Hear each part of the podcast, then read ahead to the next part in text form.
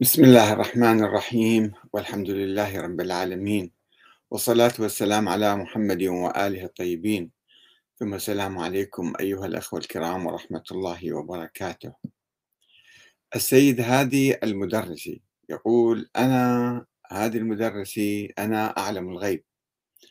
والإمام المهدي يتحكم بالكون لأن الله قد خلق أهل البيت أنوارا قبل كل شيء وخلق منهم الملائكة والكون. فإذا هو الإمام المهدي يتحكم بالكون.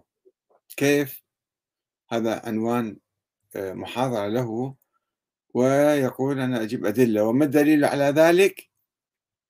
وثم يجيب الأدلة مالته. خلينا نشوف الأدلة ونشوف الموضوع اللي يتحدث به شنو. وقبل أن أدخل في الموضوع أقدم مقدمة صغيرة. أقول إن السيد هادي المدرسي هو طبعا أستاذي ومسؤولي الأول في منظمة العمل الإسلامي قبل 53 عاما. وأتذكر في سنة 70 عندما التقيت به كان مليئا بالعنفوان وبالحب آه، خدمة الإسلام والمسلمين. وكان آه، يطرح هذه الفكرة أنه نحن يجب أن نعيد بناء الحضارة الإسلامية من جديد. على هذه الفكرة تأسست منظمة العمل أو الحركة الرسالية اللي هي أعم من منظمة العمل. ولكن بعد خمسين سنة من ذلك التاريخ نرى أن السيد هادي المدرسي وأخوه سيد محمد تقي وأخوته الآخرون وأستاذه السيد محمد الشيرازي ربما السيد صادق الشيرازي. هذا الخط اللي نشأ في كربلاء في الستينات. كيف ابتعد عن الحضارة الإسلامية؟ وابتعد عن الإسلام حتى. وغرق بالخرافات والأساطير والغلو والفرضيات الوهمية. كيف يمكن أن نبني الحضارة الإسلامية ونعيد هذه الحضارة بهذه الطريقة وبهذه الأفكار والأقوال والنظريات. باختصار السيد هادي المدرسي يجيب على هذا السؤال الذي طرحه في محاضرته مؤخرا كيف يعني الإمام المهدي يتحكم بالكون؟ يجيب مجموعة آيات آه، ومجموعة أفكار. آه، أن الأنبياء كان آه، عندهم علم غيب وكان عندهم ولاية تكوينية. فالأئمة طبعا لازم يكون عندهم علم غيب وعندهم ولاية تكوينية مو فقط أنه الأئمة عندهم علم غيب يقول أنا أيضا عندي علم غيب. وهنا في الحقيقة هو يتلاعب بالألفاظ بصورة عجيبة غريبة لكي يستنتج أن الإمام المهدي هو يتحكم بالكون الآن. فكرة عجيبة غريبة. هو وين الإمام المهدي؟ محمد بن حسن العسكري. هل هو حقيقة موجود مولود حي لا يزال مثلا؟ لماذا نغالي به ونعطيه مهمات وواجبات كونية؟ يعني هو يدير الكون نيابة عن الله يعني. آه هو يتلاعب بكلمات الغيب بالحقيقة. خلينا نشوف شلون يتحدث هذا. أول شيء خلينا نقرأ الآيات التي ورد فيها آه الغيب. بالقرآن الكريم في بداية سورة البقرة كما تعرفون. بسم الله الرحمن الرحيم. ألف لام ميم. ذلك الكتاب لا ريب فيه هدى للمتقين. الذين يؤمنون بالغيب ويقيمون الصلاة ومما رزقناهم ينفقون. يؤمنون بالغيب هنا يعني المؤمن المسلم يجب أن يؤمن بالغيب الوارد بالقرآن الكريم. يعني الله سبحانه وتعالى حدثنا عن جنة والنار والملائكة والشياطين والجن وما إلى ذلك. هذه أمور غيبية إحنا ما شايفيها بعيوننا ولا سامعين بها إنما لأننا مسلمون نؤمن بهذه الأمور الغيبية. فإذا من صفات المؤمنين المتقين الذين يؤمنون بالغيب. واضح؟ زين هسه نجي على النبي محمد صلى الله عليه وسلم. هل كان النبي يعلم الغيب غير اللي الله يقول له في القرآن غير اللي الله ذكر أشياء بالقرآن. هو طبيعة النبي محمد. يعني هو كان عنده قدرة على أن يعلم الغيب. شوفوا آيات صريحة بالقرآن. ماذا تقول هذه الآيات؟ الله يخاطب النبي محمد يقول له قل لا أقول لكم عندي خزائن الله ولا أعلم الغيب ولا أقول لكم إني ملك حتى أنا مو ملك. إن أتبع إلا ما يوحى إلي قل هل يستوي الأعمى والبصير؟ أفلا تتفكرون. الأنعام آية 50 وآية أخرى وعنده مفاتح الغيب لا يعلمها إلا هو. الله فقط يعلم الغيب. غير الوارد بالقرآن محدثنا عنه. شنو راح يصير بالدنيا مثلا؟ ما نعرف إحنا. الله اللي يعلم ذلك ولا النبي محمد يعلم ذلك. ويعلم ما في البر والبحر وما تسقط من ورقة إلا يعلمها ولا حبة في ظلمات الأرض ولا رطب ولا يابس إلا في كتاب مبين. الأنعام آية 59 مرة أخرى الله يؤكد على النبي محمد يقول له قل لا أملك لنفسي نفعا ولا ضرا. هذا يتحكم بالكون. الإمام المهدي يتحكم بالكون. والله يقول للنبي محمد قل لا أملك لنفسي نفعا ولا ضرا إلا ما شاء الله. ولو كنت أعلم الغيب لاستكثرت من الخير. أنا ما أعلم الغيب. وما مسني السوء إن أنا إلا نذير وبشير لقوم يؤمنون. الأعراف 188 آية واضحة جدا. وأيضا مرة ثالثة آه، النبي يقول ولا أقول لكم عندي خزائن الله. ولا أعلم الغيب. صريح العبارة. النبي يقول أنا ما أعلم الغيب. ولا أقول إني ملك. ولا أقول للذين تزدري أعينكم لن يؤتيهم الله خيرا. الله أعلم بما في نفوسهم. إني إذا لمن الظالمين. هود 31 شايف شلون؟ آيات صريحة جدا. وأيضا الله يخاطب النبي يقول له ليس لك من الأمر شيء. أنت ما عندك قدرة ما عندك سيطرة ما عندك آه، تحكم بالكون. أو يتوب عليهم أو يعذبهم فإنهم ظالمون. وفي سورة هاي آل عمران 128 وأيضا في سورة هود مرة أخرى تلك من أنباء الغيب نوحيها إليك. ما كنت تعلمها يعني الله أعطى النبي بعض الأشياء الغيبية ما كان يعرفها حتى بالتاريخ ما كان يعرف أشياء جرت بالتاريخ. ما كنت تعلمها أنت ولا قومك من قبل من قبل هذا. فاصبر إن العاقبة للمتقين. هود 49 وأيضا يقول في سورة النمل قل لا يعلم من في السماوات والأرض الغيب إلا الله وما يشعرون أيان يبعثون. النمل آية 65 وفي سورة الجن عالم الغيب الله سبحانه وتعالى فلا يظهر على غيبه أحدا إلا من ارتضى من رسول. بعض الأنبياء من رسول مو كل الرسل أيضا إلا من ارتضى من رسول فإنه يسلك من بين يديه ومن خلفه رصد الجن 26 27 لاحظتوا كيف؟ الله سبحانه وتعالى في القرآن الكريم ينفي أن النبي يعلم الغيب إلا بعض الأشياء اللي الله طاه إياها وليس له قدرة ولا عنده خزائن الأرض ولا عنده قدرة على التحكم بالكون. يجي السيد هادي المدرسي اللي صار له 50 60 سنة بالحوزة. في الحقيقة لابس عمامة يعني ورث العمامة من أبيه وأخواله ولكن كدراسة في الحوزة ما أعرف كيف درس وين درس شنو درس. هاي نتيجة الدراسة مالته تبين هذا الكلام اللي يقوله الآن. يعني هو كله يقوم على تأويلات تعسفية للقرآن وإدعاءات وقياسات باطلة وأحاديث مع الغلاة وأشياء عجيبة غريبة طلعون نظريات أنتم تعرفون أنه في التاريخ الإسلامي في القرون الأولى كان هناك غلاة حوالي الأئمة يحاولون أن ينسبوا أنفسهم إلى الأئمة فيرفعون من شأن الأئمة ويقولون هؤلاء الأئمة أئمة أهل البيت المعروفون هؤلاء عندهم علم لدني من الله تنزل عليهم الملائكة. هؤلاء هم أنبياء. هؤلاء هم آه، فوق الأنبياء. هؤلاء لا هم آه، أنصاف آلهة. لا هم آلهة كانوا يقولون بصريح العبارة الخطابية وغيرهم ولا يزال بعضهم حتى الآن يقول بأن الأئمة الله حل بهم هم آلهة. أو إذا مو هم آلهة الله خلقهم أول شيء. وهم خلقوا الكون فإذا هم يديرون الكون. شوف كلها أفكار أسطورية مغالية. فكيف واحد يعرف هذه الأفكار صحيحة أو خاطئة؟ عليه أن يعود إلى القرآن الكريم يتشبع بثقافة القرآن وبعلوم القرآن. وعندما يشوف بعض الأحاديث أو بعض القصص يعرضها على القرآن.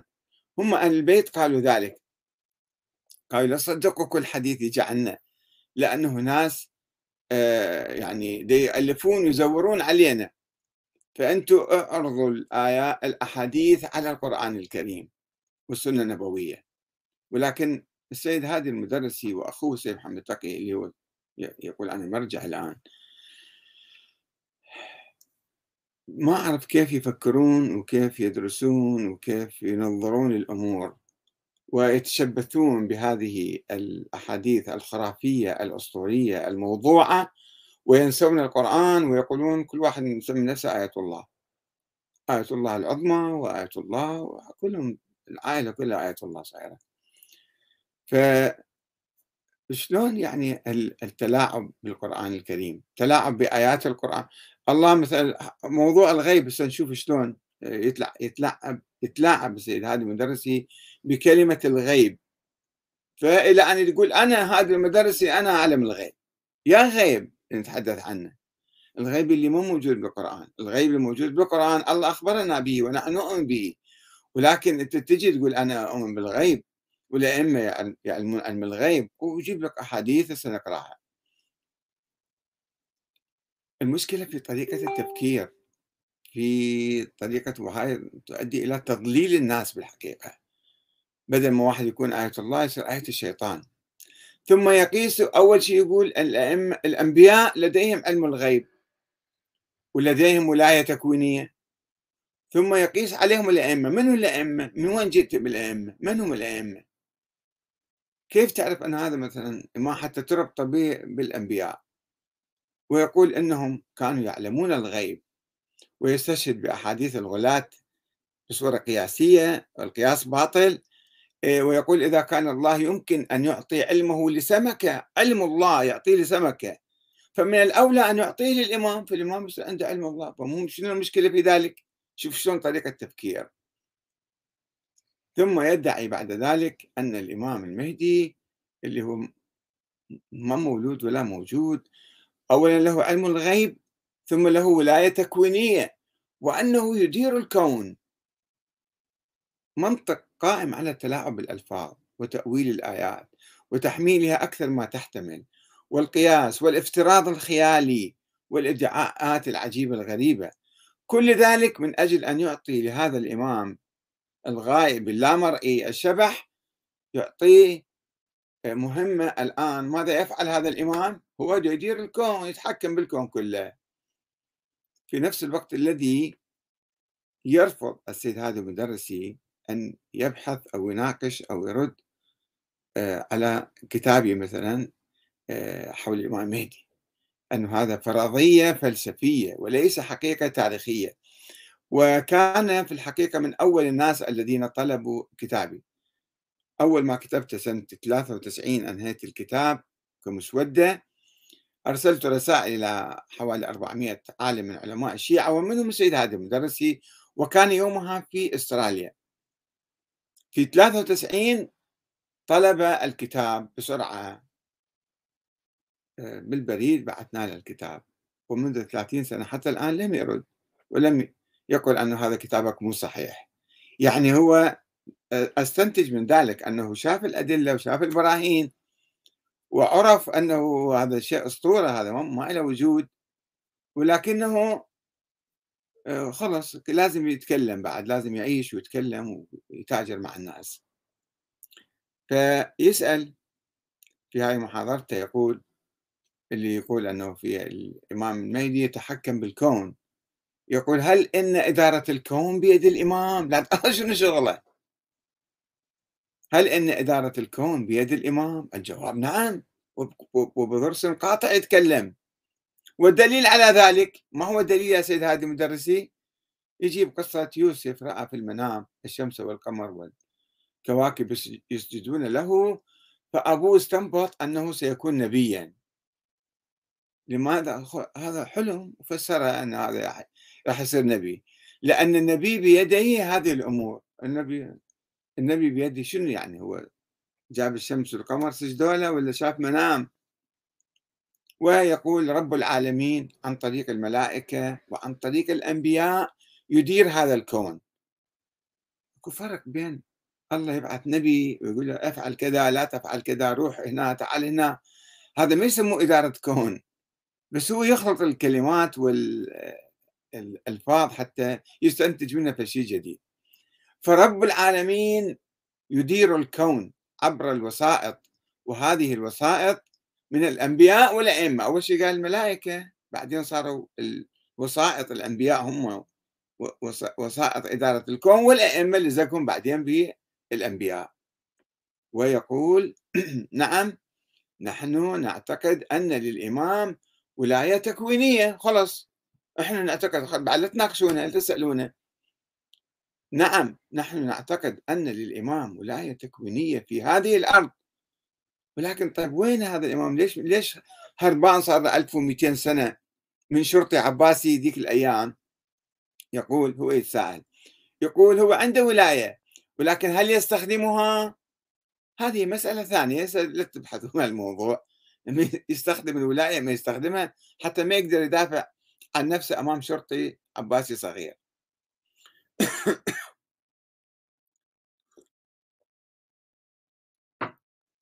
ثم يجيب أمثلة النبي سليمان عليه السلام.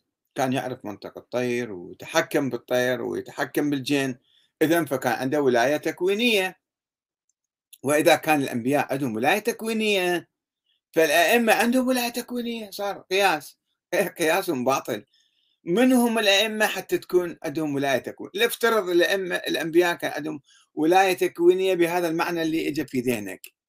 أنه مثلا النبي سليمان كان الله سأل من الله أن يعطيه ملك لا ينبغي لأحد من بعده أعطاه بعض الأشياء. مو صار معناته عنده ولاية تكوينية ولاية تكوينية. وخلص أفكار جاهزة في رأسي لازم يلزقها مع بعض بالصمغ يعني.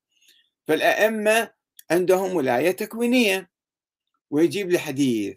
شوفوا شلون الحديث وين قاريه وين لاقيه ولا يبحث فيه ولا يناقش. يقول فد واحد فد واحد يسأل الإمام يا إمام ما ندري على نهر دجلة. يا إمام اللي كان على نهر دجلة؟ يقول هل لديكم علم الله؟ واحد يسأله. هل لديكم علم الله؟ فقال له الإمام لو أراد الله أن يعطي علمه لهذه السمكة اللي بالنهار أليس الله بقادر على ذلك؟ قال نعم. قال أنا أعظم من السمكة. خلص بعد. ما دمت أنا أعظم من السمكة إذا فالله أعطاني علمه علم الله يعطيك إياه لأنك أنت أعظم من السمكة؟ خول في أعظم منك.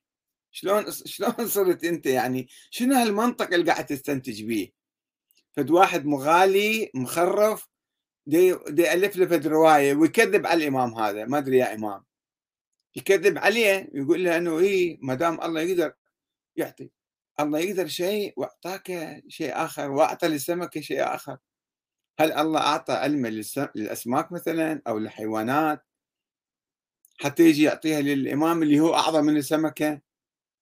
شنو هالمنطق هذا؟ منطق عجيب غريب يعني واحد رجال بالحوزة صار له 60 سنة على الأقل ويفكر بهالطريقة ويريد يعيد بناء الحضارة الإسلامية من جديد. بهالطريقة هذه يا سيد هذه يا أستاذنا الكريم. بعدين هو يجي يقول البعض يقول إنكم تغالون بالأئمة. شنو هذا الغلو بالأئمة؟ ليش تغالون؟ لا إحنا مو مغالين. يقول لا ليس أئمتنا فقط. أنا أنا هذا المدرسي أعرف علم الغيب.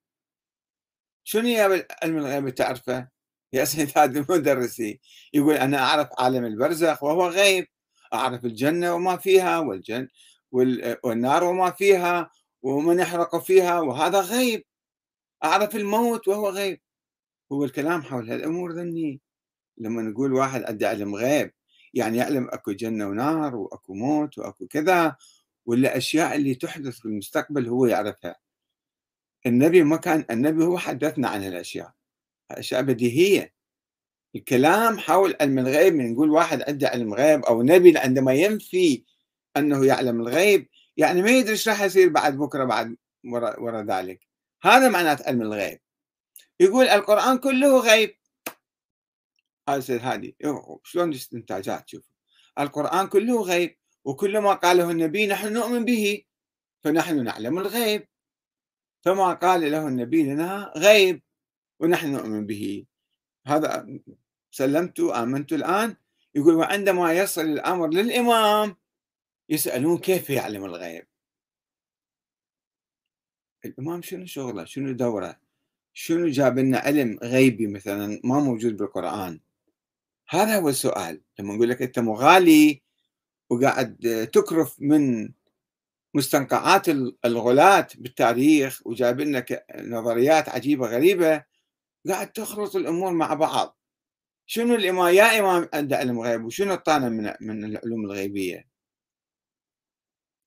يقول رب العالمين هو الذي يعلم الغيب وهو الذي يعطيه لأوليائه خلص هو حر. وثم وكله يتكلم بشكل يعني كأنه متأكد من نفس 100% نعم الإمام له الولاية التكوينية. زين استفتهمنا عنده علم غيب شلون صار عنده ولاية تكوينية؟ الإمام المهدي نفترض هو موجود ونفترض عنده علم غيب. إيه شلون صار هو عنده ولاية تكوينية؟ شعر كلام كلام يعني بدون مسؤولية بدون جمرك كما يقولون. نعم الإمام له الولاية التكوينية. وحين يظهر ستظهر معه الولاية التكوينية. صح ما شفنا حتى الآن. صار 1200 سنة هو شارد من الشرطي عباسي.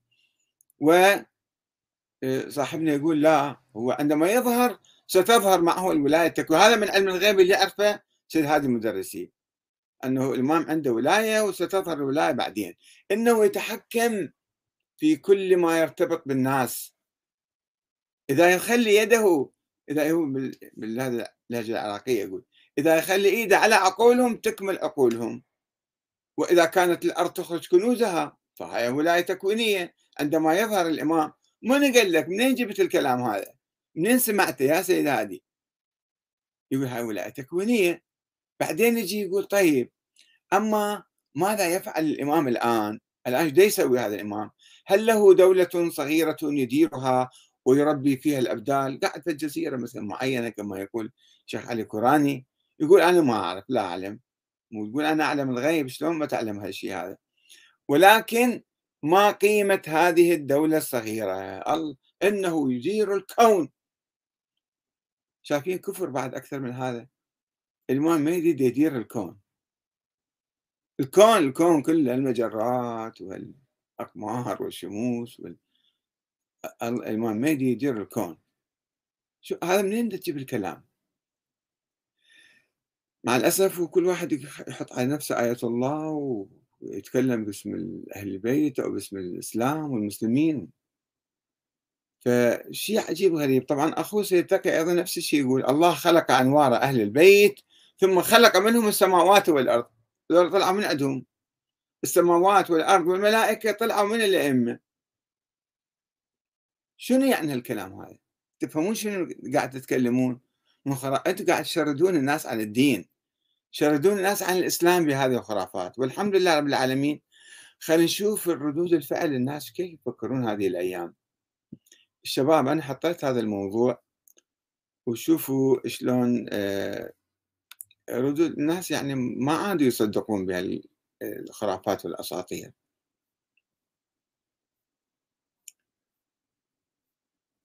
مع الأسف الشديد هذا نوع من الانهيار. يعني واحد يبدأ أول شبابه باندفاعه وبآمال وأحلام كبيرة لتوحيد الأمة الإسلامية وتحريرها من المستبدين والظالمين وإعادة بناء الحضارة وينتهي إلى هالكلام هذا بهالكلام بهالخرافات والأساطير تبدون تعيدون الحضارة الإسلامية؟ شوفوا هنا التعليقات الأخوة اللي معلقين على الموضوع.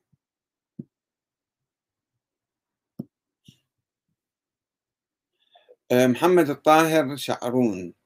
يقول الكون الذي تقاس المسافات بين مجراته وكواكبه بمليارات السنين الضوئية هل من المعقول أن يتحكم به إنسان كائن من كان لا يزيد طوله عن 180 سنتيمتر؟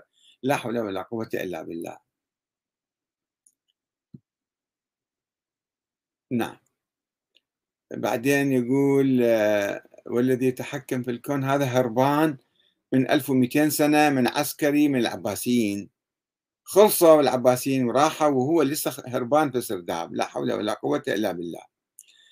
أحمد كاظم يقول هاي دليل السمكة خلص جاب بعد هذا.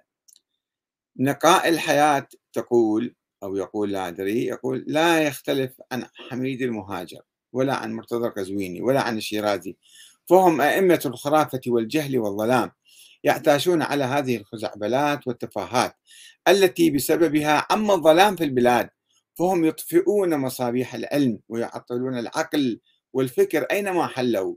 خربت العقول وانعدمت الحياة. كم تكون البلاد الجميلة لو أزيحت هذه العمائم؟ ثامر الدليمي يقول جهل. صابر سيد أحمد يقول الهبل شخصيا.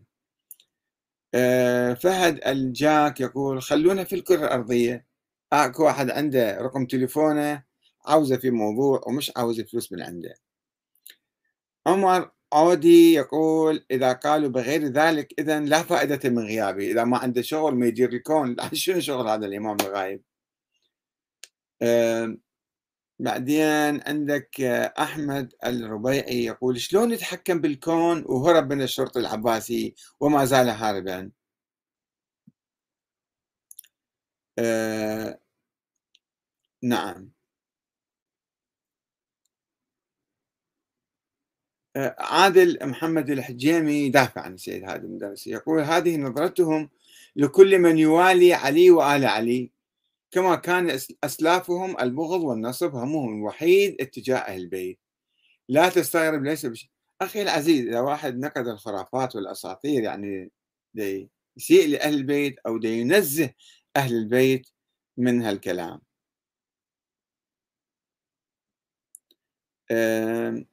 عدنان الحلو يقول كلها عواطف. وسيد حيدر الموسوي يقول ما شاء الله التحكم من السرداب بس مرات يحصل خلل وتروح ناس بالكوارث الطبيعية. أبو حيدر يقول يستغفلون رعيتهم لجهلهم في القرآن. يقول إن سليمان له ولاية تكوينية وهذا كذب فقط ليبرر أن الإمام له ولاية تكوينية ولو رجعنا إلى القرآن لرأينا ما هي ولاية سليمان التكوينية. لرأيناها كالآتي بسم الله الرحمن الرحيم. قال ربي هب لي ملكا لا ينبغي لأحد من بعدي. إنك أنت الوهاب. فسخرنا له الريح تجري بأمره رخاء حيث أصاب. والشياطين كل بناء وغواص. وآخرين مقرنين في الأصفاد. هذا عطاؤنا فمن, أو أمسك بغير حساب. هل تسخير الريح له؟ والشياطين تسمى ولاية تكوينية. محسن مطر يقول ما هذا التخبط هنا وهناك؟ وكيف يمكنهم أن يتكلموا هكذا؟ سبحان الله هذا محض هراء. مرتضى السريح البصري يقول العقول الصغيرة تنظر إلى الإمام المهدي بنظرة جسدية مشابهة لأجسادهم وينظرون إلى هذا العالم الصغير ونسوا أن هناك عوالم لا يدركها هذا العقل الناقص. إحنا عقلنا ناقص وما نفتهم.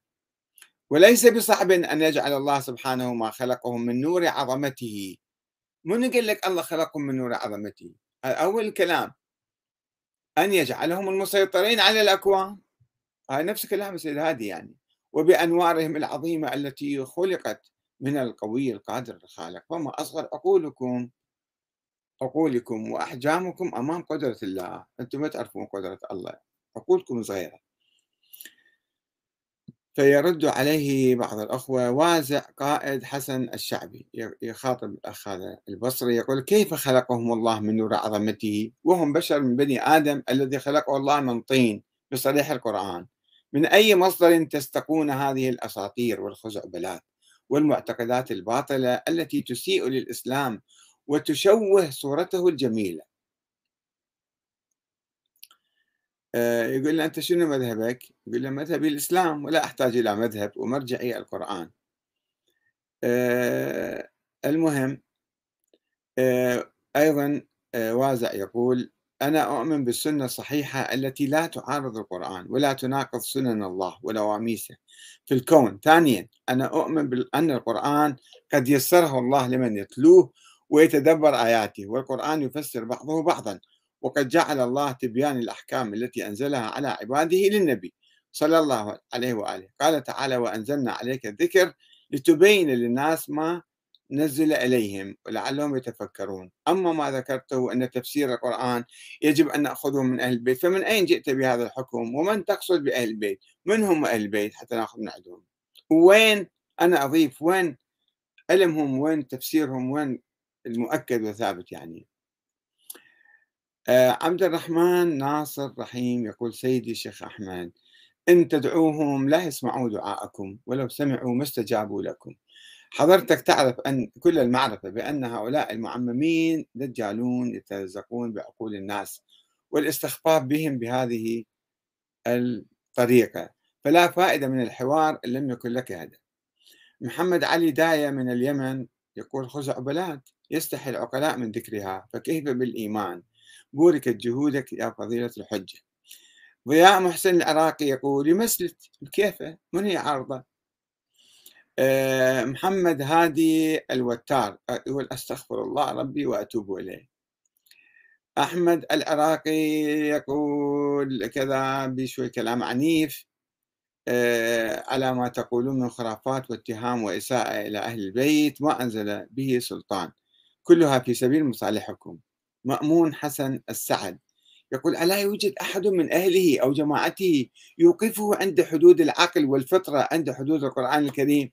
والمشكلة المحيطين به نفس الشيء يفكرون. آه نبيل مجيد يقول لعله يتوسط لنا عند المنتظر الذي يتحكم بالكون أن يحسن طقس العراق على الأقل. محمد حامد يقول يتحكم بالكون؟ وروايتهم تقول خائف يترقب فأي تحكم بالكون وهو يخاف من شرطي عباسي دخل سردابه خائفا من قبل 1200 سنة. شوف شلون تعليقات الأخوة يعني هاي دلالة على مستوى الوعي عند الشعب العراقي حقيقة وعند الشيعة وأكثر الأخوة المعلقين هم شيعة. لم يعودوا يستمعون إلى هذه الأساطير والخرافات بل يسخرون منها ويستهزئون بها. المشكلة منين تعود؟ كل هالمشكلة هم موقعين نفسهم فيها أنه هناك أئمة الله معينهم. طيب هذول الأئمة وصلوا لنقطة وانقطعوا.